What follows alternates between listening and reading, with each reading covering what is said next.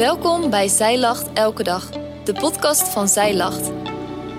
Mijn naam is Femke. Dit is de overdenking van 1 oktober, geschreven door Kimberly van Dijk. Tijdens een mooie wandeling door een klein Italiaans dorpje valt mijn oog op een groep toeristen die voor een winkeletalage staan. Nieuwsgierig naar wat er staat, sluit ik mij aan bij de groep en werp ik een blik in de etalage.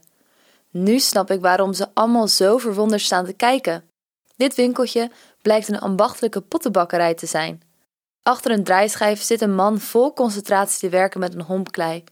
Op dit moment is het nog een grote homp klei die op de draaischijf ligt. Maar als ik naar de rest van het winkeltje kijk, zie ik allemaal prachtige potten uitgestald staan.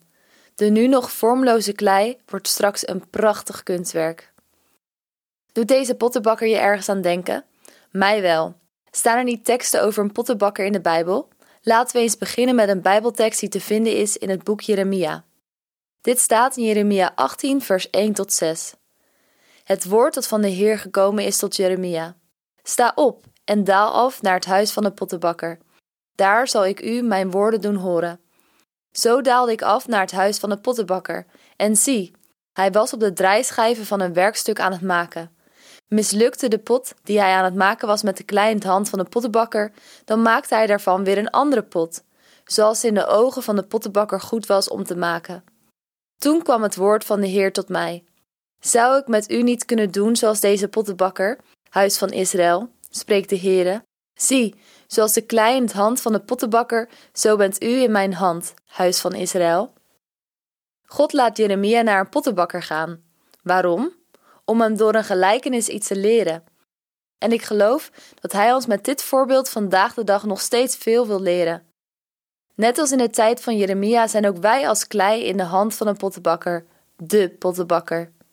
Allereerst is God onze pottenbakker, omdat hij ons geschapen heeft. Dit lees je in Efeze 2, vers 10. God schiep ons en daarmee zijn we zijn maaksels. Zoals een pottenbakker een mooi kunstwerk schept uit klei, zo schiep God ons in de buik van onze moeder. Dit staat ook in Psalm 139, vers 13 tot 14. Want u hebt mijn nieren geschapen, mij in de schoot van mijn moeder geweven. Ik loof u omdat ik onzagwekkend wonderlijk gemaakt ben. Wonderlijk zijn uw werken, mijn ziel weet dat zeer goed. Ten tweede is God onze pottenbakker, omdat Hij ons door de tijd heen wil vormen. Hij wil aan je werken, vol precisie, geduld, concentratie en aandacht. Net zoals de pottenbakker die aan het werk was in het Italiaanse winkeltje. Maar nu, heren, u bent onze vader en wij zijn het leem. En u bent onze pottenbakker. Wij zijn alle het werk van uw handen. Dit staat in Jesaja 64 vers 8.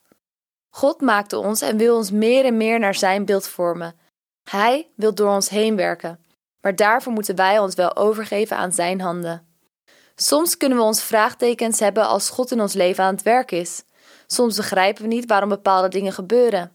Pijn, verdriet en boosheid kunnen de overhand nemen en ons vertrouwen in God wegnemen. Maar weet je, om van de hompklei een mooi kunstwerk te maken, moet er flink worden gekneed. En dat kneden is wat ons menselijke natuur zo tegenstaat. Het doet pijn. Maar het eindresultaat van dat kneden is een prachtig kunstwerk.